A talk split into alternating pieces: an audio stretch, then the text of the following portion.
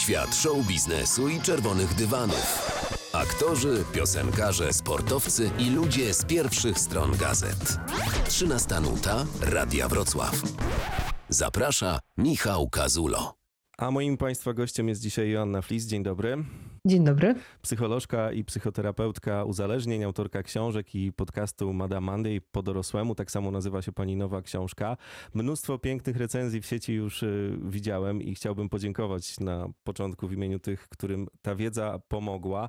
I może zacznijmy też od tego, czy ta dojrzała dorosłość, ona mieści się w jakichś ramach, bo tak na chłopski rozum e, powinno być e, to w ten sposób, że dojrzałość przychodzi do nas e, z wiekiem i z doświadczeniem.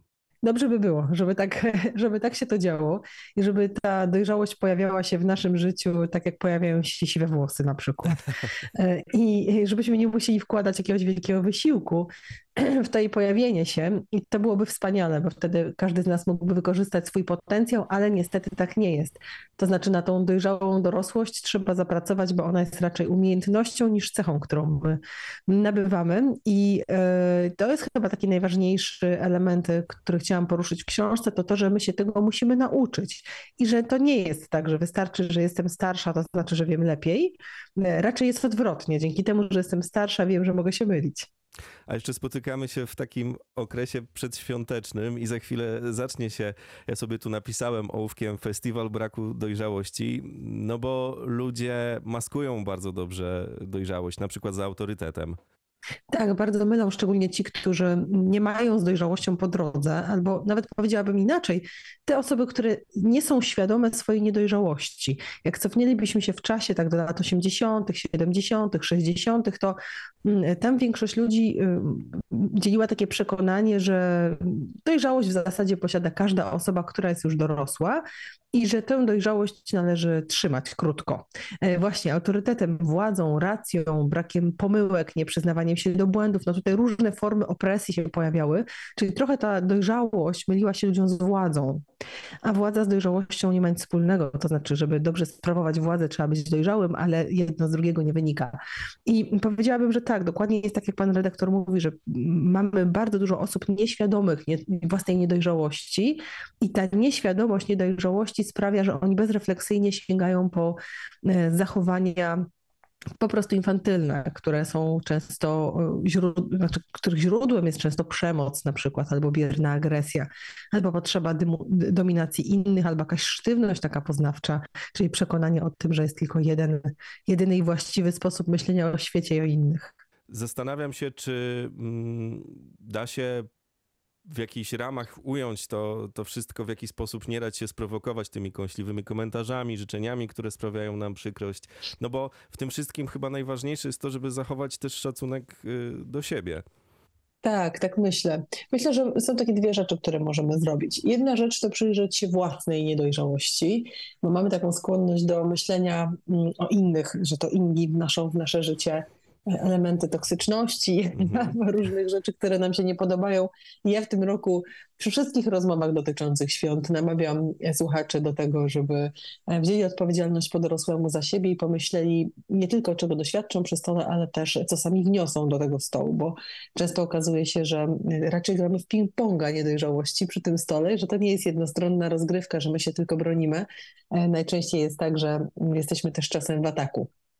To jest taka jedna rzecz, y, która nam pomoże trochę przerzucić ten środek ciężkości z innych na siebie, i, a na siebie to zawsze oznacza e, mieć kontrolę e, nad sytuacją, a to po prostu lubimy. A druga rzecz to zastanowić się, co, jak to był, by było zachować się po dorosłemu. E, I myślę sobie, że wszystkie te osoby, które mają ogromne wątpliwości, czy pójść w jakieś miejsce na święta, albo czują takie głęboki, głębokie przekonanie, że to miejsce, do którego idą, ten stół wigilijny, do którego będą zasiadać, nie jest najlepszym, najlepszą przestrzenią, że raczej gra tam w coś ta rodzina, z którą się spotkamy i ta gra nie jest przyjemna dla wszystkich i e, relacje nie są właściwe, to namawiałabym głęboko do zastanowienia się, czy po dorosłemu nie oznaczałoby po prostu odpuścić w tym roku i podziękować ładnie za to spotkanie i po prostu e, nie uczestniczyć w wydarzeniach, które z zasady uważamy, że są dla nas krzywdzące. I myślę sobie, że problemem takiego polskiego stołu, przy, przy którym rozgrywa się dużo rzeczy, bo mi często klienci, pacjenci, uczestnicy moich kursów, czytelnicy opowiadają o tym, że nie wiedzą, jak przeżyć święta i że święta to jest dla nich okropny czas, bo jak, jak, jak to po prostu przetrwać. Ja myślę sobie, że ogromnym kłopotem jest to, że my nie pracujemy cały rok nad relacjami i że trochę jest to, to, sprawia, że w święta zbieramy żniwa, czyli jesteśmy przymuszeni niejako do tego, żeby spędzić wspólnie czas, ale też, żeby o ten czas razem zadbać, żeby do czegoś się przygotować. I te święta to jest trochę taki papierek lakmusowy um, kondycji całej rodziny. I namawiałabym do tego, że jeżeli ta kondycja jest naprawdę fatalna i robimy sobie po prostu krzywdę przy tym wigilijnym barszczu, to może warto, żeby każdy wypoczął święta w swoich własnych czterech ścianach, albo w jakimś innym miejscu, a kolejny rok poświęcił na pracę nad relacją, żeby w przyszłym roku spotkać się już w zupełnie innej atmosferze, bo święta to nie jest też moment, w którym da się wypracować granice, asertywność, na nowo ustalić zasady wspólnego funkcjonowania albo nauczyć się komunikować. Święta to już jest trochę za późno. Mhm. Tylko tak sobie myślę, bo to jest bardzo piękne, o czym pani opowiada, ale z drugiej strony tak sobie wyobrażam sytuację, w której na przykład ktoś jest w terapii i uczy się przez cały rok, mocno pracuje nad sobą, nad tym i wychodzi mu to raz lepiej, raz gorzej, ale stara się, ma, dostaje od terapeuty jakieś mm, możliwości, narzędzia pracy, no i potem siada przy tym świątecznym stole i może nawet nie chce się tak jakoś uzewnętrzniać z tym wszystkim, ale no, stawianie tych granic i ta asertywność pomaga mu wyjść z różnych problemów, stawia mocno granice, nawet opuszczając taki świąteczny e, stół, tylko że to w efekcie może się skończyć tak, że ta relacja już nigdy nie wróci do normy, bo dla tej drugiej osoby jest to tak obrazoburcze i tak nie do przyjęcia, na przykład u rodziny, u rodziców, że no, kończy się ta relacja raz na zawsze, tak? Te drzwi już na zawsze zostaną zamknięte. No tak to działa. Czasem nasza praca nad sobą jakby stawia przed nami taki wymóg e, wyjścia z relacji albo takiego silnego ograniczenia relacji, które były dys, dysfunkcyjne, tak, toksyczne dla nas. I czasem tą relację mamy z naszymi najbliższymi. I jeszcze świąteczny stół robi nam coś takiego, że regresujemy się często do roli dziecka, czyli mm -hmm. nawet jeżeli ktoś jest e, na przykład wysoko postawioną e, panią menadżer w jakimś środowisku biznesowym i świetnie radzi sobie z asertywnością jeszcze w terapii, przepracuje bardzo dużo schematów związanych z zależnością emocjonalną i brakiem asertywności, to nagle się okazuje, że przy tym wigilijnym stole taka pani menadżer może się znowu poczuć jak siedmiolatka. Hmm która przymuszona do picia barszczu pije go, chociaż nie ma ochoty i która na wszystkie kąśliwe uwagi swojej mamy reaguje płaczem. I to jest normalne. Często ten system rodzinny, do którego my wracamy, szczególnie wtedy, kiedy siadamy przy stole z własnymi rodzicami, rodzeństwem, jest trochę tak, jakbyśmy się cofali w czasie, bo e, role na nowo rozdane są w ten sam sposób. I to jest bardzo trudna gra, w którą gra rodzina, e, bo okazuje się, że mimo, że ludzie w terapii potrafią wypracować bardzo dużo, to przy tym wigilijnym stole e, to, to nie działa po prostu. Nagle się okazuje, że nie, nie jesteśmy w stanie przełożyć tego na tę rzeczywistość.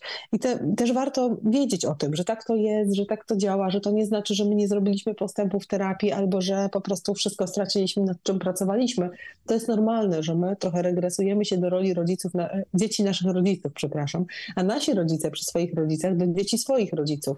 I e, tak działa system. System jest trochę czymś silniejszym niż jednostka, czyli system rodzinny i rzadko o tym mówimy, bo w psychologii czy w ogóle w rozwoju osobistym lubimy stawiać akcent na nas samych, czyli wydaje nam się, że to my mamy na wszystko wpływ i że to my decydujemy, mhm. że nasze zachowania wynikają z naszego wnętrza. Tymczasem my, terapeuci systemowi, widzimy to zupełnie inaczej.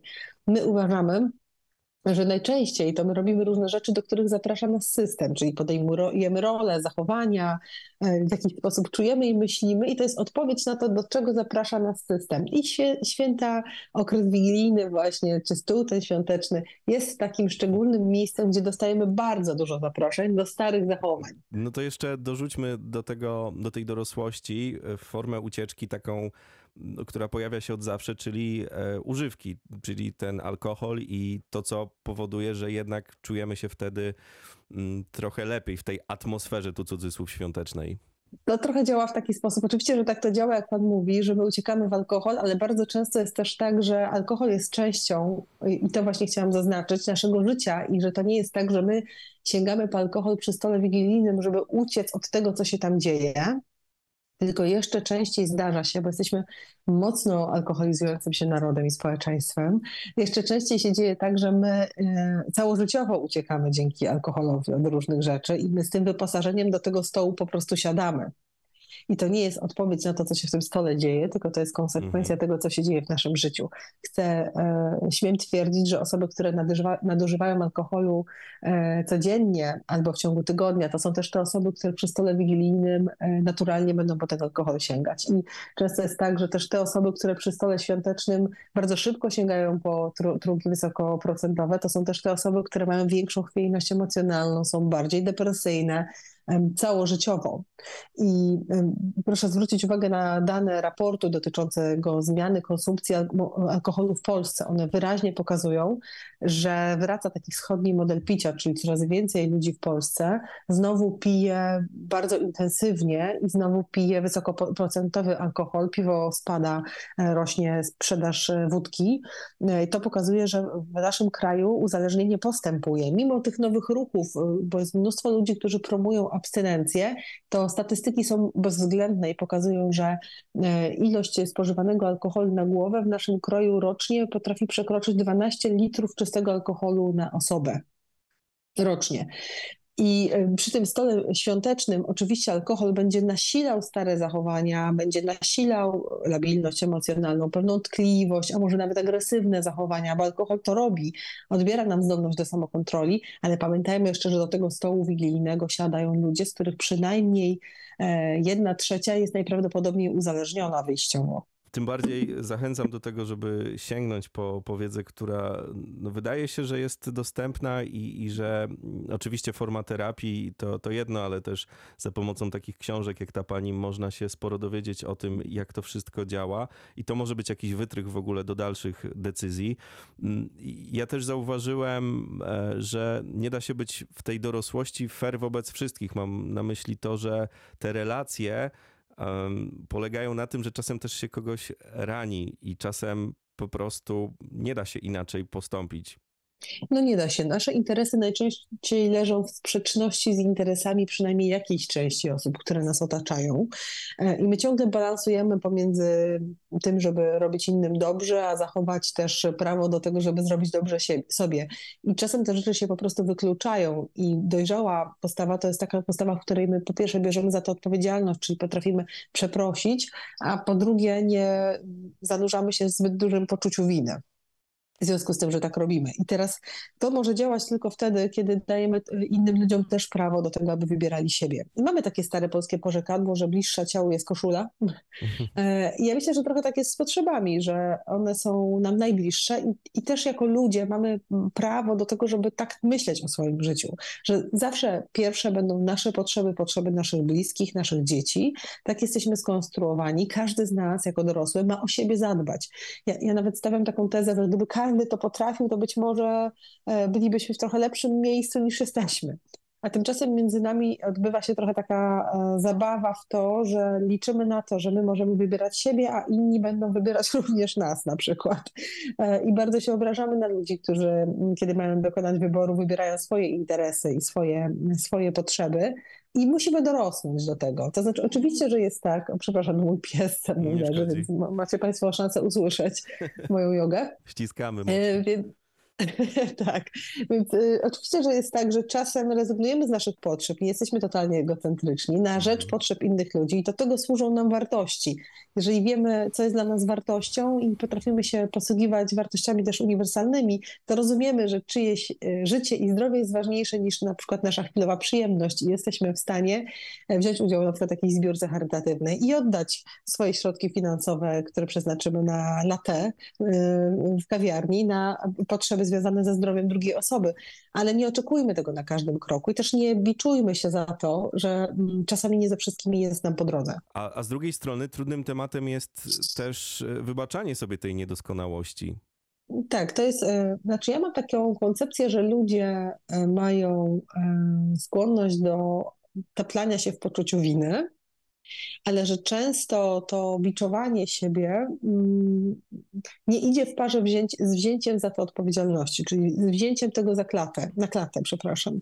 Bo odpowiedzialność oznacza czasami przede wszystkim przyznanie się do tego, wytłumaczenie, dlaczego podjęliśmy taką, a nie inną decyzję, poniesienie konsekwencji, a my mamy taką skłonność do tego, żeby się przywiązywać do poczucia winy i się samobiczować, ale to jest jakaś, o, jakaś um, jakiś wytrych, ja to nazywam, jakaś wymówka, jakiś sposób na ominięcie dojrzałej, dojrzałego zachowania.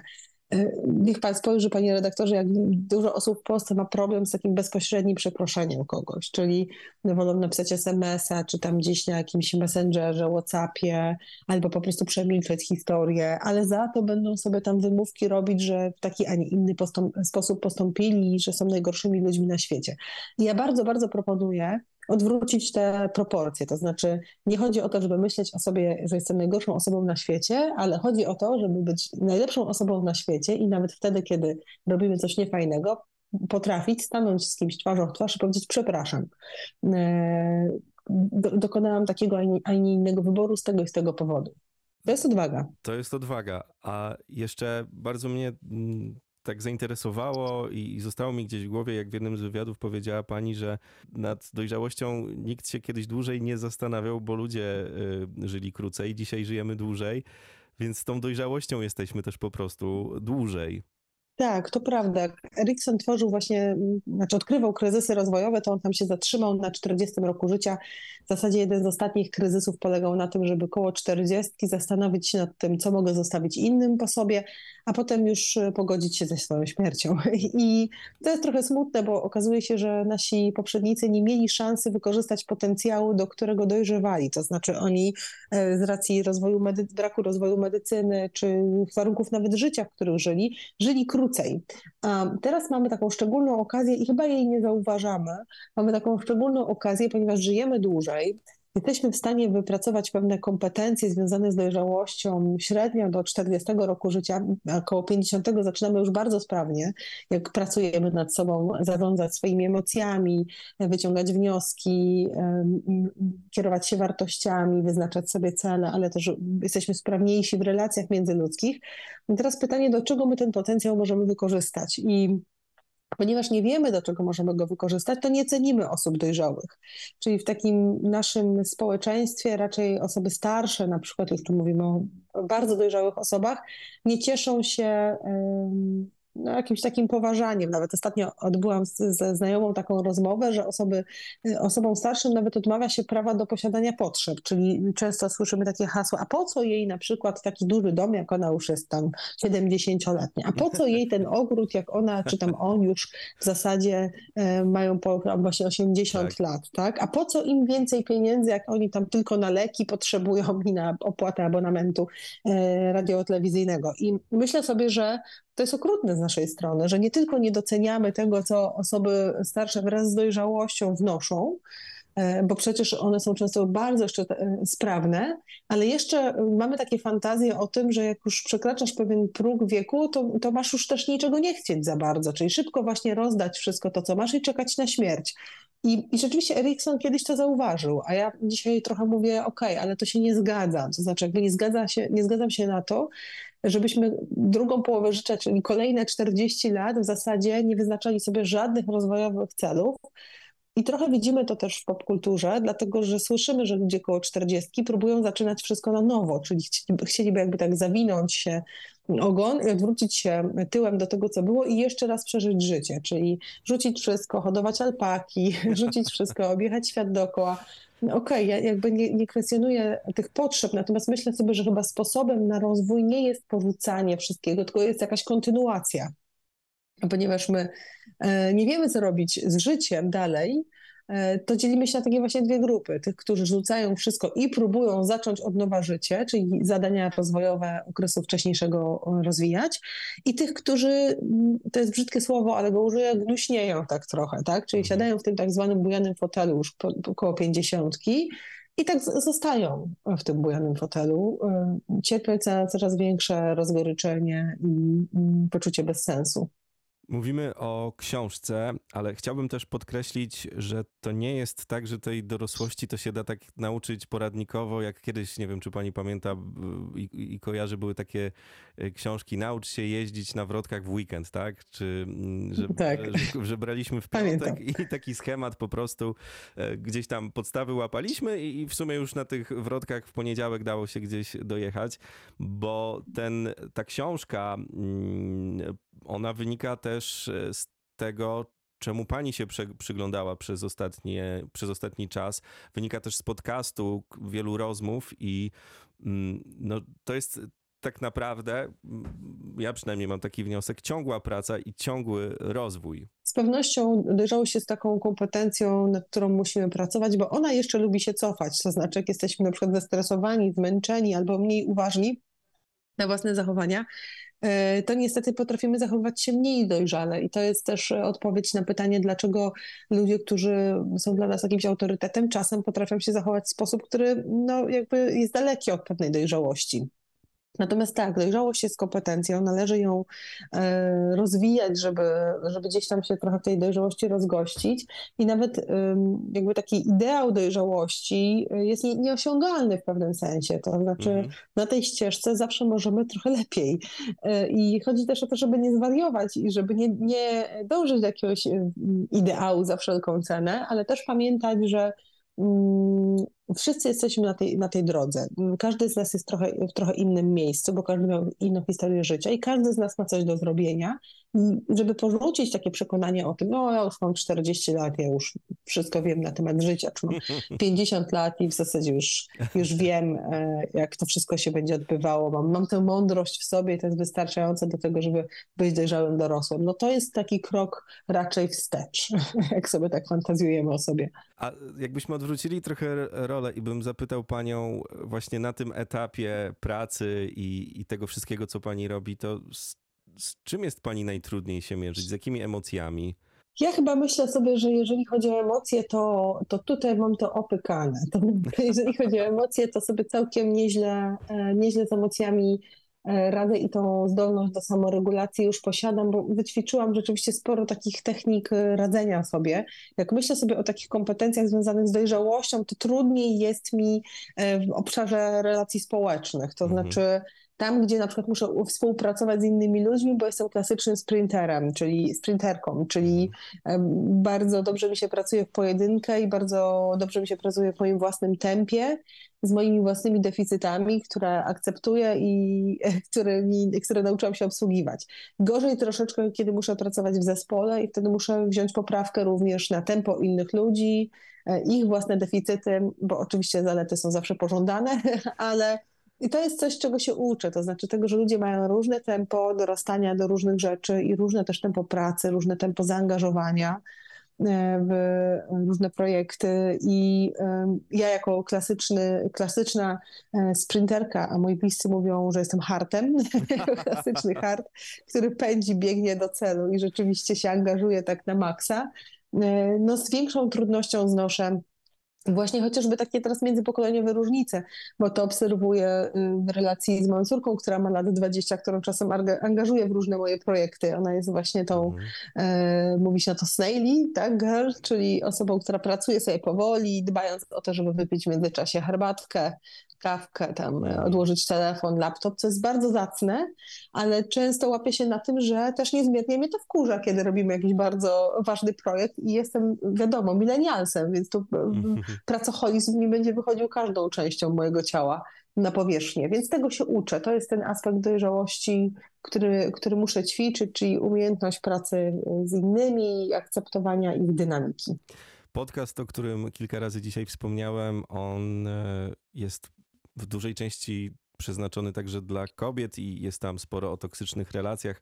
Myślę sobie, że sporo osób e, pisze do pani tak po prostu, tak po ludzku, z jakimiś podziękowaniami i tak dalej, ale że to też wymaga dużego nakładu pracy, bo to życie zawodowe, z tego co obserwuję, jest y, bogate i, i zresztą przed chwilą o tym pani mówiła, że że w tym sprincie mm, cały czas gdzieś pani jest zadaniowo, więc zastanawiam się, jak w tym właśnie życiu wygląda taka profilaktyka, e, żeby zadbać o siebie, żeby dawać sobie te, te możliwości, bo, bo pewnie chciałoby się coraz więcej. Jak, tym bardziej, że tematy, o których rozmawiamy, to są tematy, o których dosyć dużo mówi się w przestrzeni publicznej ostatnimi czasy. E, tak, to prawda, to prawda. Ja co prawda w 2023 już chyba dobiłam do ściany e, swoich e, możliwości i zajętości, więc raczej ta końcóweczka roku jest taka, że uczę się rezygnować z różnych rzeczy i nie przyjmować różnych zaproszeń, co nie jest, nie jest takie proste. Dla mnie takim sposobem na to, żeby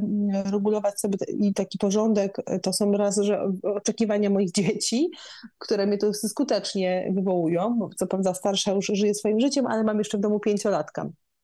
Więc to jest e, też harta sprintera. E, więc e, on mnie to skutecznie konfrontuje z rzeczywistością. A mm, druga rzecz to, to jest taka moja już osobista, osobna zajawka, czyli sport, aktywność fizyczna. To jest dla mnie coś, co mnie ratuje. Ja myślę sobie, że nie wiem jak inni, ale bez, myślę, że w ogóle sport jest tym, co uratuje ludzkość gdzieś w przyszłości, jak myślę kontek w kontekście nowych technologii, więc dla mnie rzeczywiście codzienny trening, wyjście na siłownię, pobiegać, pies właśnie, z którym, który mi przypomina trzy razy dziennie, że trzeba pójść na spacer, e, to są te sposoby, ale to też wymaga, jakby zachęcam każdego, bo to nie są sposoby też dla każdego, żeby znaleźć swoją, mm, tak jak język miłości, każdy musi swój własny znaleźć, to taki język odpoczynku swój własny. I ja jestem w tej grupie właśnie ludzi, którzy używają tego oksymoronu aktywny wypoczynek. Dla mnie wypoczynek musi być aktywny, a ja to bardzo, bardzo lubię. Więc tak staram się mm, jakby zarządzać, ale rzeczywiście sztuka odpuszczania, sztuka nieprzyjmowania zaproszeń, robienia tak na pół gwizdka, to jest coś, co ćwiczę i myślę, że w 2024 e, postaram się zawalić parę rzeczy, żeby się z tym oswoić. Do tego pani życzę, ale jeszcze na chwilę pozwolę sobie wrócić do książki, bo mówiłem o podcaście, a też nie chcę zdradzać za bardzo treści. Mogę tylko powiedzieć, że tam są ćwiczenia, które pomagają nam trochę poopierać się mocniej w tych rzeczach, o których opowiadamy, stanąć na tej drugiej nodze, żeby to wszystko mocniej zadziałało, jeśli chodzi o szukanie tej e, dorosłości. To po pierwsze, a po drugie, że mm, to, o czym rozmawiamy, to jest trochę też o tym, żeby poszukać w sobie takiego dziecka, którym możemy się zaopiekować, bo może ktoś kiedyś tego nie zrobił i, i dzięki temu też co może mieć taki wydźwięk paradoksu jakiegoś, ale, ale dzięki temu też staniemy się bardziej dojrzali. Tak, to prawda. To znaczy na pewno trzeba zobaczyć w sobie to dziecko, które tam różne dzieci zresztą w nas żyją, które tam tupią nóż i cały czas czegoś chcą. I zaopiekować to też nie oznacza e, tym dzieciom uczyć się ciągle ulegać. Mhm. Czyli my mamy te, te swoje wewnętrzne dzieci zobaczyć i powiedzieć, ok, widzę cię, wiem, że bardzo chcesz tego cukierka, ale to nie znaczy, że musimy zjeść dzisiaj 10. Ta opieka czasem nam się myli e, z właśnie nadmiernym przywiązaniem do wewnętrznego dziecka. Nie chodzi o to, żeby się do niego przywiązywać jakoś szczególnie. Nie chodzi o to, żeby mu ulegać, bo on, ono zniszczy, jak my za bardzo będziemy się przywiązywać do tej takiej dynamiki dziecięcej w nas, to ona, ona zniszczy nasze dorosłe życie. To znaczy będziemy musieli być impulsywni, niecierpliwi, e, egocentryczni, no bo takie są nasze wewnętrzne dzieci, one takie mają być, to jest ich prawo. E, więc opie opiekować to oznacza znaleźć taki dojrzały, dorosły sposób, który mm, zaspokoi potrzeby dziecka i jednocześnie ochroni nasze dorosłe, dojrzałe życie i potrzeby i cele, które właśnie sobie wyznaczamy i e, marzenia, do których zmierzamy. I to też w kontekście świąt możemy o tym pomyśleć, gdy przy tym, e, bo tam wychodzą różne, o, o tym już dzisiaj mówiliśmy, schematy, którymi, e, które, które gdzieś tam się powtarzały w naszym dzieciństwie. To jest dużo oczywiście do grzebania i do, do poszukiwania, ale myślę sobie, że takie zaopiekowanie się wtedy sobą też jest dosyć ważne. Tak, też warto sobie zadać pytanie, co to znaczy, że ja się sobą opiekuję. Bo czasami nam się wydaje, że to chodzi o to, żeby dać sobie kocyk i herbatkę z miodem. Czasami tak jest. Jasne. Ale ja, jak klasyczny sprinterka, powiem jeszcze, że zaopiekować się sobą to znaczy zaangażować się na rzecz swojego życia. Znaczy rzeczywiście włożyć wysiłek w to, żeby to życie było dobre, Zaopiekować się sobą to też czasem nie kupić rzeczy, na które mamy ochotę. Teraz okres świąteczny, więc dużo się do zakupów odnoszę, żeby jutro mieć za co opłacić rachunek. Zaopiekować się sobą to też wyprowadzić siebie na spacer, po to, żeby za 10 lat e, mieć sprawność fizyczną, e, żeby po prostu nie musieć w tym fotelu siedzieć. Zaopiekować się sobą to też dać sobie zdrowy posiłek po to, żeby zapobiegać różnym chorobom. I o tym za mało mówimy, że prewencyjne działanie i też takie zaangażowanie we własne życie to jest najwyższa forma miłości. Nie chodzi o to, żeby się ciągle ojojać sobie kolanko, które rozbiliśmy. Oczywiście to jest też ważne i, i obdarzać ciągle herbatką i kocykiem. Chodzi o to, żeby e, na tyle poważnie traktować swoje życie i jego jakość, żeby zrobić dla siebie różne rzeczy. No i jeszcze jeden temat, który mam tutaj do odhaczenia, bardzo często pojawiający się w social mediach, ale też w takich rozmowach, bierna agresja. W czasie świąt myślę, że tego będzie dosyć e, sporo. To znaczy, z pewnością jest to wytrych, ale też tej biernej agresji jest dużo, bo żyjemy w społeczeństwie, w kulturze, która tylko w niektórych warunkach pozwala na wyrażanie złości, więc co my z tą złością też musimy zrobić? To znaczy, no bierna agresja jest sposobem na wyrażanie złości, której ktoś nie umie wyrazić w inny sposób um, i próbuje po prostu przetrwać, przeżyć i nie wybuchnąć od środka, więc e, ja bym, um, trochę ją demonizujemy, to znaczy już jak ktoś używa biernej agresji, to już jest e, pasywno-agresywny, to już najgorszy typ ja bym powiedziała raczej, że e, wcale nie taki najgorszy, to znaczy większość z nas to robi.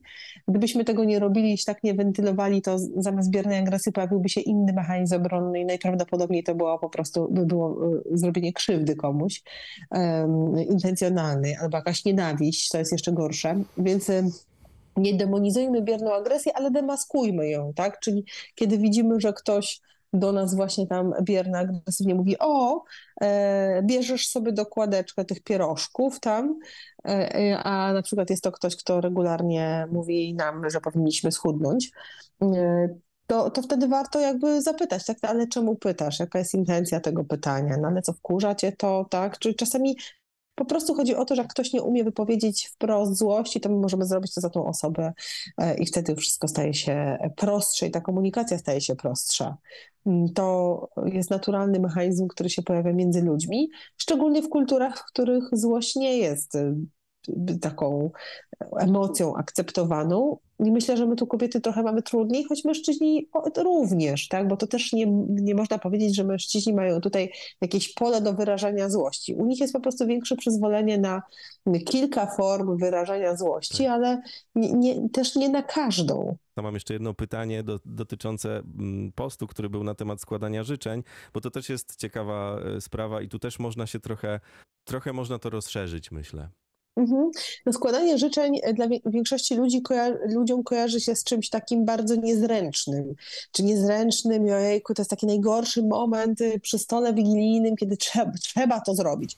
Raz, że bliskość fizyczna e, między członkami, dalszymi członkami rodziny może być niewygodna, bo my się rzadko rzeczywiście tutaj przytulamy w rodzinach, szczególnie na przykład ze starszymi rodzicami, to jest coś, o czym ludzie mi opowiadają, ale ważne tak nie wiadomo, e, co powiedzieć, więc mówimy zdrowia, szczęścia, tam dużo pieniędzy, tam miłości, tak? No i bardzo często są to takie rzeczy, które no nie są y, uczciwe z naszej strony. To znaczy, my nie, nie dokonujemy tutaj jakiegoś namysłu, żeby wybrać życzenia dla kogoś, które pokazują więź, jakąś intymność, bliskość między tymi ludźmi. I y, raczej idziemy w taką koncertową wersję tak, tych życzeń. Coś tam odśpiewamy, idziemy dalej. I i nie chodzi o to, żeby, żeby właśnie w taki sposób to robić, bo to budzi ten, e, te, tę niewygodę, bo wiemy, że to nie jest szczere, wiemy, że to jest wymuszone, przyjmowanie tego jest trudne, mówienie o tym jest trudne.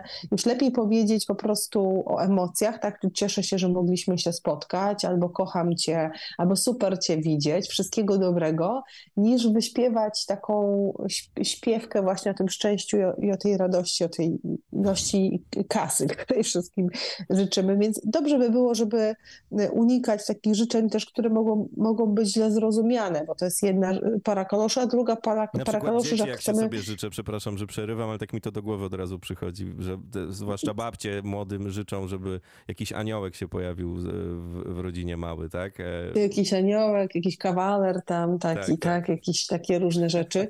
I tak, i to są takie życzenia, które są, już przekraczają granice życzeń bezpiecznych, tak bym powiedziała powiedziała, one trochę mówią o tym, że ktoś chce dać nam coś bardziej intymnego, czyli o nas w jakiś sposób myśli, ale trochę projektuje na nas rzeczy, których my wcale nie potrzebujemy i to może złościć, tak? Szczególnie kiedy takie życzenia trafiają na przykład do pary, która się stara o dziecko od wielu lat i po prostu te starania e, no nie, nie udają się, tak? To, to nawet takie życzenia mogą być bolesne. Więc ja bym powiedziała, że ten moment życzeń to może nie jest moment na bardzo intymne też takie rozmowy, kiedy nie, nie wiemy, y, co może zranić tą drugą stronę. Więc to, na to też bym uważała, czy taka, taki pewien rodzaj specyficzności. Więc y, spróbujmy mówić o relacjach, spróbujmy wyrażać uczucia. To może być zwykłe hasło, dobrze cię widzieć po prostu. E, I to też wystarczy. Spróbujmy się przy tym nie spieszyć, czyli tego nie odklepywać. Ważniejsze będą gesty, czyli uścisk dłoni, spojrzenie komuś w oczy, Y, też jest wiele osób, które coraz częściej mówią o tym, że nie mają ochoty łamać się opłatkiem, na przykład, bo nie są osobami wierzącymi, więc też warto o tym powiedzieć wcześniej, y, zanim te życzenia się zaczną, żeby nie musieć każdej osobie po kolei mówić, ale opłatkiem się nie łamie, bo jestem niewierząca. E, można też nie podejść do, y, do, do tych życzeń, czyli można po prostu szczerze powiedzieć, że nie, nie, macie, nie ma się ochoty na taką formę życzenia, ale bardzo się cieszę, że z wami jestem. Życzę wam wszystkiego dobrego, co najlepsze E, e, I, i, i to tyle, tak? Też spróbujmy też. Tak, ode mnie to wszystko. Myślę, że to jest też okej. Okay. Czasem cała rodzina, tak jak ktoś przy stole zrobi za ten pierwszy głos i powie: Słuchajcie, ja to tak się najlepiej czuję w tych życzeniach tradycyjnych, więc zbiorowo Wam pożyczę wszystkim wszystkiego, co najlepsze z, z ręką na sercu. Trzymam za Was kciuki. Dziękuję, że mogliśmy się tutaj dzisiaj spotkać. Wspaniale Was wszystkich widzieć.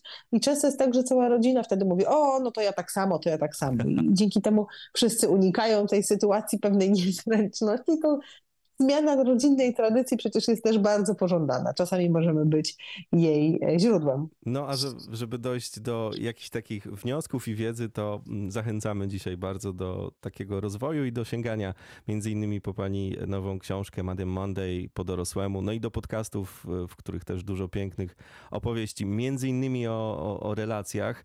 Mm, Joanna Flis była moim Państwa gościem. Bardzo Pani dziękuję za wspólny czas. Bardzo dziękuję. Wszystkiego dobrego. Więcej wywiadów z gwiazdami na Spotify. Kazul z gwiazdami. Subskrybuj kanał i słuchaj gdzie chcesz i kiedy chcesz.